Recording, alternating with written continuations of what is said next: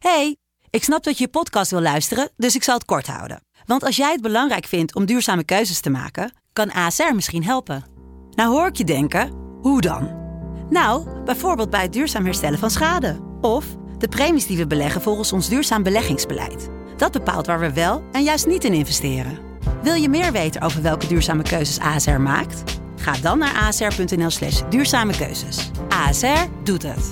Zo, dan kan je nu lekker naar je podcast luisteren. Stroom.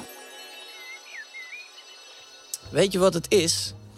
Als je iets uit de weg gaat omdat het moeilijk is, dan ben jij degene die het moeilijk maakt. Dat klinkt raar, maar het is zo. En het is ook, precies om die reden, juist fijn. Want het betekent ook tegelijkertijd dat jij degene bent die het oplossen kan. En gaat. Want moeilijke dingen uit de weg gaan is obstakels creëren. En wat moet je met obstakels? Een omweg nemen zeker. Echt niet. Zonde van je tijd. Jij hebt wel betere dingen te doen. Een goed boek, een lekker koekje, een positieve podcast met inspirerende inhoud. Je kent het wel. Nou ja, waar hadden we het ook alweer over? Oh ja, dat ding.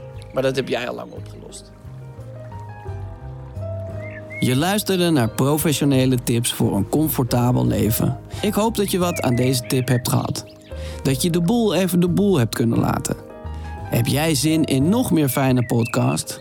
Luister dan eens naar Vader of de podcast Use NJ New Emotions. Geniet. Liefs, Pepijn.